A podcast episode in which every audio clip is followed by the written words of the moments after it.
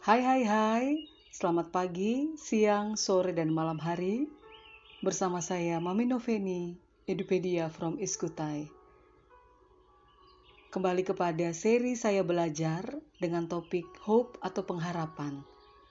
Di mana bagian ini, di minggu lalu saya bagikan pada pertemuan ibadah jemaat Tuhan Minnesota Bible Independent Church Amerika secara Zoom service dan juga live Facebook pada akun Minnesota Bible Independent Church.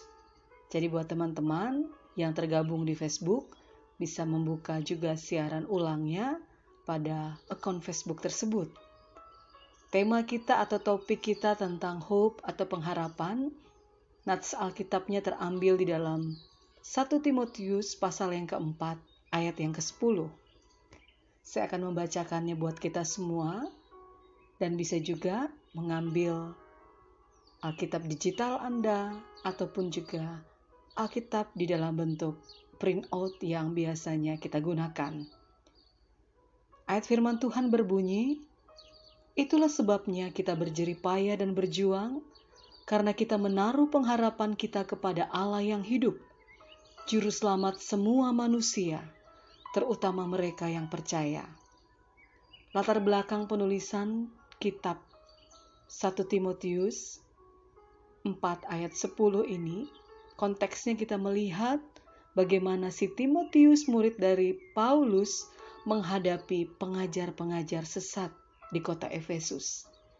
Penulis surat daripada 1 Timotius, 2 Timotius ini adalah guru dari Timotius itu sendiri yaitu Rasul Paulus. Di mana ketika kita menggali lagi isi surat ini ada doktrin atau pengajaran tentang hal yang benar dan kesalehan. Biasanya surat-surat ini disebut sebagai surat-surat penggembalaan.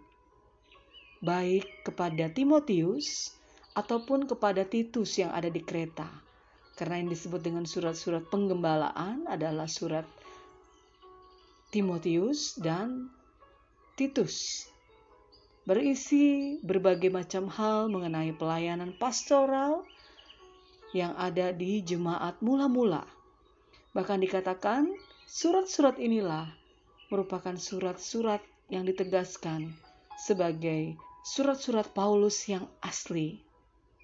Karena banyak beberapa pengelitik ya mempersoalkan kepenulisan Paulus atas surat ini namun gereja mula-mula tegas menempatkan sebagai surat-surat Paulus yang asli. 1 Timotius, 2 Timotius, dan Titus. Kemudian ketika sahabat, kerabat, bapak, ibu, saudara-saudari sekalian membaca bagian di dalam kitab ini atau surat ini, secara langsung Paulus mengalamatkan suratnya ini kepada muridnya Timotius. Karena Timotius bertugas sebagai wakil Paulus di jemaat Efesus.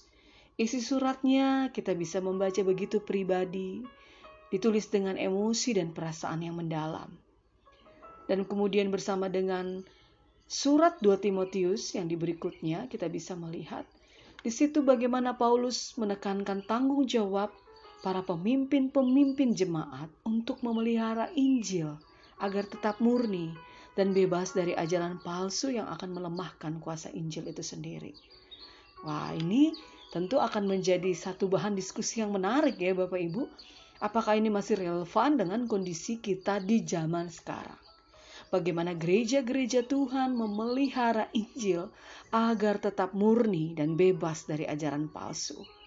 Kemudian yang bagian berikutnya, di mana surat Timotius ini menekankan nilai unggul dari Injil di situ ada pengaruh-pengaruh yang berupa pencemaran, panggilan gereja juga harus kudus dengan syarat tinggi yang ditetapkan Allah bagi para pemimpin-pemimpinnya.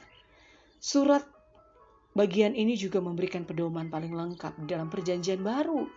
Bagaimana seorang pemimpin jemaat, bagaimana seorang gembala, bagaimana seorang pendeta berhubungan secara patut dengan pria dan wanita serta dengan semua kelompok usia ya dan sosial dalam gereja. Saya baru membuka beberapa hari yang lalu ya juga di uh, WhatsApp grup tertentu bagaimana bercerita apakah seorang uh, pria yang bercerai, wanita yang bercerai bisa menikah kembali dan lain sebagainya.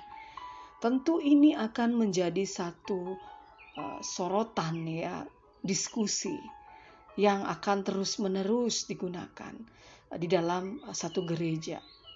Pedoman-pedoman lengkap bagaimana seorang pemimpin yang ditetapkan Allah.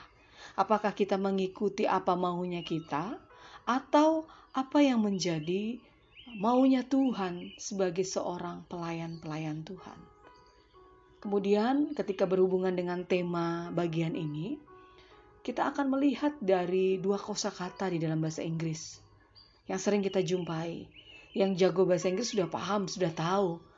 Ketika kita mengambil topik bagian ini atau uh, kata hope atau pengharapan memiliki dua perbedaan makna. Karena ternyata di dalam bahasa Inggris ada dua kata yang digunakan untuk menyatakan kata harapan, berharap, atau pengharapan yaitu kata hope dan wish. Hope biasanya menunjukkan harapan akan suatu hal yang masih mungkin terjadi. Tetapi kata wish biasanya menunjukkan harapan akan suatu hal yang hampir tidak mungkin terjadi. Dan pengertiannya di dalam kamus biasanya berhubungan dengan sikap optimis. Sikap yang hidup dalam ucapan syukur terhadap segala sesuatu. Jadi pengharapan adalah merupakan sikap optimis dalam hidup dan mensyukuri segala sesuatu. Di Alkitab sendiri, mohon maaf bila saya lupa nih menyertakan bagian terjemahan Lembaga Alkitab Indonesia. Berapa kali kata pengharapan digunakan?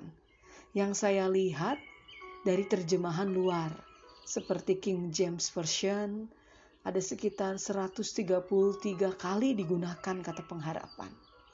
Bisa kita temukan contoh ayat yang terkenal. Selain di dalam 1 Timotius ini tadi, di dalam 1 Korintus 13 ayat 13. Firman Tuhan berbunyi, Demikianlah tinggal ketiga hal ini, yaitu iman, pengharapan, dan kasih. Dan yang paling besar di antaranya ialah kasih.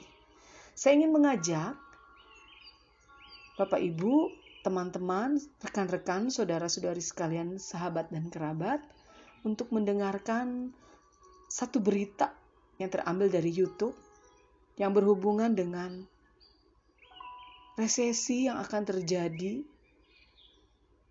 di tahun 2023. Di dalam judul berita itu dikatakan 2023 menuju gelap gulita dunia. Jokowi ngeri. Jadi pemimpin bangsa kita di dalam video tersebut ada mengemukakan sesuatu pemaparan yang tentunya membuat kita akan bertanya-tanya akan kondisi yang akan datang di tahun 2023. Saya akan membukanya. Silakan teman-teman bisa mendengarkannya atau mungkin sudah pernah mendengarkan berita ini atau juga melalui VT dan lain sebagainya.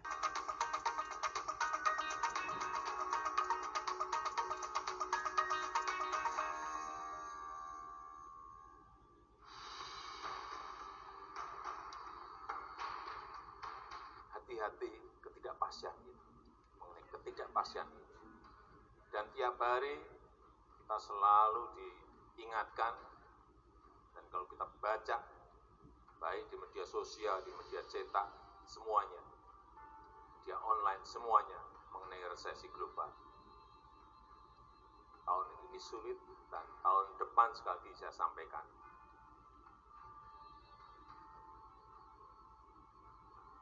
akan gelap. Dan kita nggak tahu badai besarnya seperti apa, sekuat apa, nggak bisa dikalkulasi. Buka di dalam perekonomian yang sangat berbeda sekali dengan skar akibat Global Financial Crisis 2008-2009. Atau kalau untuk Indonesia kita tambah lagi pengalaman 9798 yaitu financial crisis di Asia Tenggara termasuk di negara kita. tiga ketidakpastian ini saja sudah bisa memberikan kepada Anda semua sebuah perspektif bahwa risiko saat ini is not about financial only. Walaupun ketiga sumber tadi, yaitu pandemi, climate change, dan geopolitical, semuanya akan bermuara kepada keuangan. Dari berbagai laporan yang kami lihat, kondisi geopolitik ini masih sangat berpengaruh dalam beberapa waktu ke depan dan tidak dapat kita hindari bahwa itu akan menekan dunia secara global. Harga pangan strategis masih perlu menjadi perhatian terutama pasca penyesuaian harga BBM.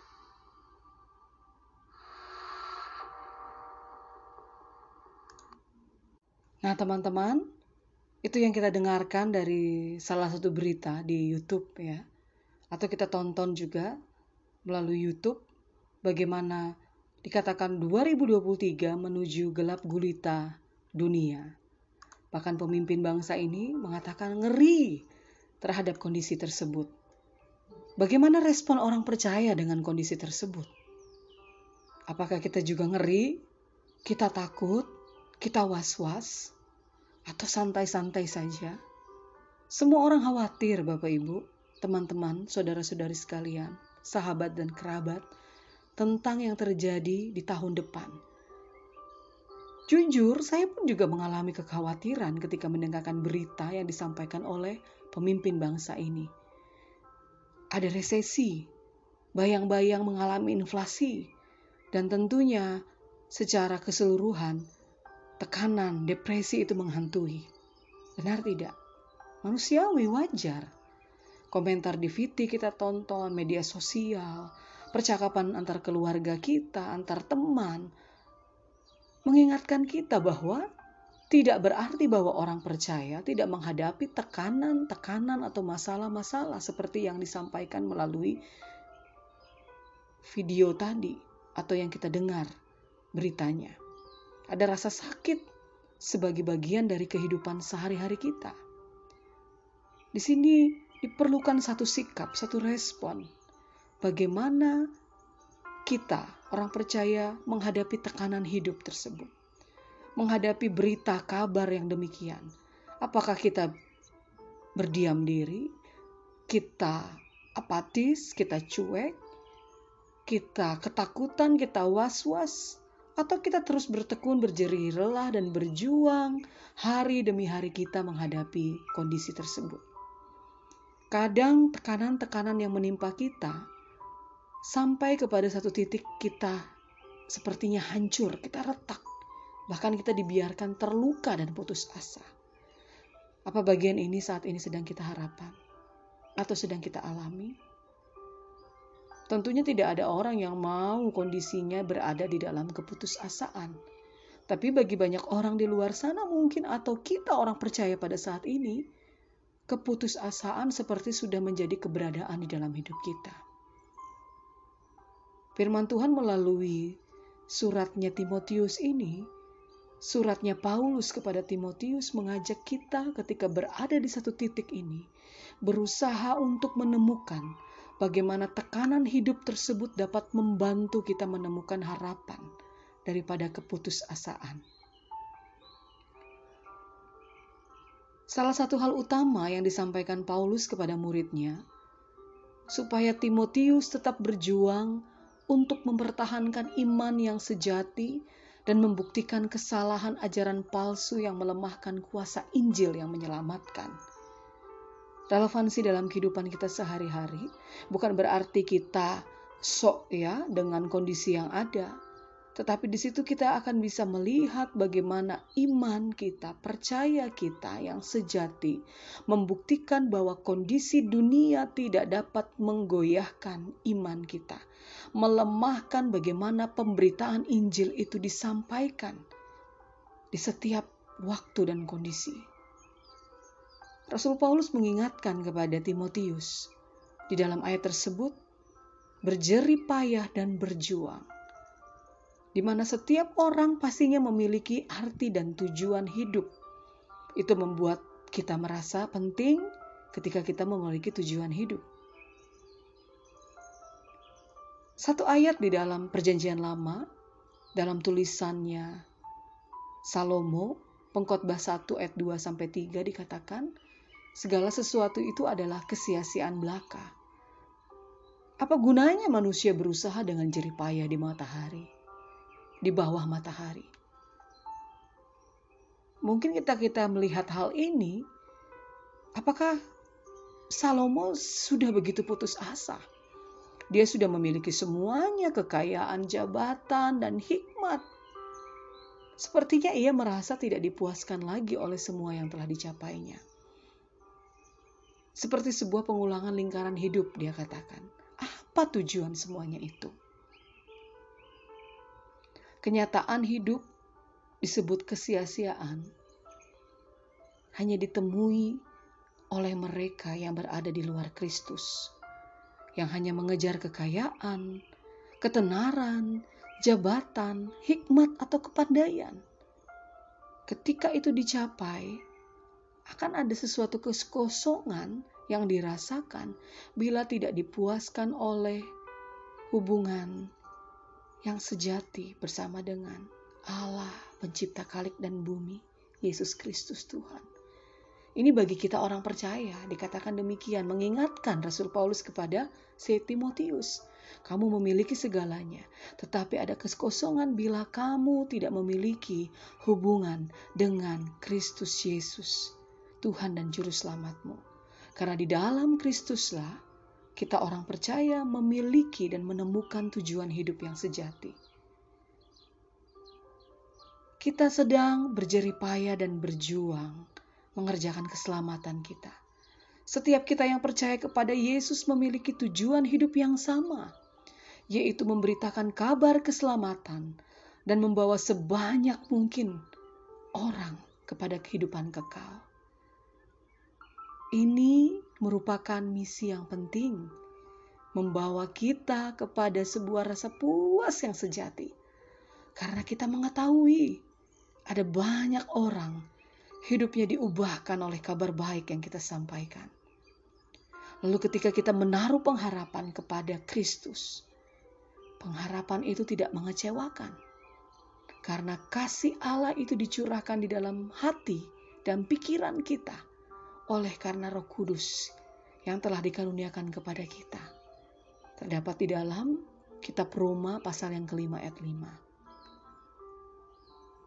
Rasul Paulus mengingatkan Timotius, taruhlah harapanmu kepada Allah saja. Nah, umumnya manusia itu meletakkan pengharapan pada apa yang dimilikinya, seperti pekerjaan, harta, jabatan, atau apa pun yang dimiliki.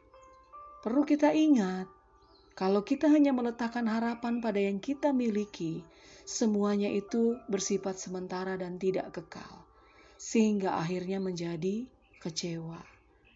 Ketika kita juga berharap kepada manusia, suatu saat manusia tersebut ada hal-hal yang mengecewakan, kita juga akan kecewa. Karena manusia itu dapat berubah setiap saat. Tidak ada manusia yang sempurna. Kesempurnaan hanya milik Tuhan. Karena di dalam dia, ia tidak pernah mengecewakan kita. Dia tidak pernah berubah karena dia yang dapat menjamin seluruh harapan kita. Memang dalam masa penantian kita saat kita berharap, kita tentu ada dong mengalami rasa jenuh. Tapi jangan putus asa kata Tuhan. Jangan menjadi kecewa bila pengharapanmu belum terwujud. Mungkin Anda bertanya, Mami Feni ada nggak harapan yang belum terwujud? Ada banyak. Bahkan saya berdoa belasan tahun, jawaban doa itu belum terjawab. Sampai saya berdoa, sampai mati pun Bapak, bila jawaban doa itu belum terjawab, ajarkan saya di hari-hari saya beroleh hati yang bijaksana ketika saya menghitung hari-hari saya. Walaupun jawaban doa itu belum terjawab, ajarkan saya, ajarkan kami untuk mengertikan rencana-rencanamu. Bahkan Walaupun sudah tidak ada dasar lagi buat saya untuk berharap, ajarkan saya terus untuk berharap. Sahabat, Ketika kita sudah menaruh pengharapan kita kepada sumber yang tepat, kepada Tuhan, Ia pasti akan menolong kita. Yakin itu, percayai itu, bahwa Yesus sanggup melakukan segala sesuatu. Nah tadi, bahwa segala sesuatunya kadang memang gak sesuai harapan. Apa yang harus saya lakukan? Yang harus kita lakukan sebagai orang percaya, tetap berdoa, tetap jalin komunikasimu dengan Tuhan di setiap hembusan nafasmu, tetap memuji Dia, dan tetap menghadapi yang harus dihadapi tidak keluar dari jalurnya. Tetap percaya ada otoritas Allah di situ. Tetap menjaga hidup benar di hadapan Tuhan walaupun mungkin susah, susah, tidak mudah untuk menjaga hidup benar di hadapan Tuhan. Roh Kudus akan memampukan kita. Secara umum, Allah merupakan juru selamat bagi semua orang. Ia menempatkan semua dalam keadaan untuk dapat diselamatkan. Secara khusus, ia adalah juru selamat bagi kita orang-orang yang percaya. Kondisi yang tidak sesuai harapan ketika menggantungkan diri kepada Sang Juru Selamat itu, kita akan melihat bagaimana ketika situasi tidak sesuai, ketika kita tidak tahu harus berbuat apa. Kehidupan kita berputar di luar kendali dan tekanannya luar biasa. Tetapi ketika kita menggantungkan diri kepada Sang Juru Selamat itu tadi, janji Tuhan, Dia akan melakukan apa yang Dia lakukan. Dia nggak pernah tinggalkan kita. Dia nggak pernah lupa akan kita ada jaminan firman Tuhan setiap hari yang memberikan kita pengharapan. Dan pengharapan itu merupakan hadiah loh yang berharga buat kita. Karena apa? Diberikan kepada kita karena Yesus hidup. Dan kabar baik, Injil keselamatan memberikan penguatan suatu janji kepada kita, dan sebuah misi yang sangat penting untuk membawa kita kepada sebuah rasa puas yang sejati. Karena mengetahui ada banyak orang hidupnya diubahkan oleh kabar baik yang kita sampaikan. Kabar baik di dalam 1 Timotius 4 ayat 10, tetaplah berjerih payah dan berjuang, tetaplah menaruh pengharapan di dalam Kristus sampai Maranatha, Tuhan Yesus kembali datang menjemput setiap kita saleh-salehnya. Tuhan Yesus memberkati, dia pasti datang, dia segera datang. Haleluya.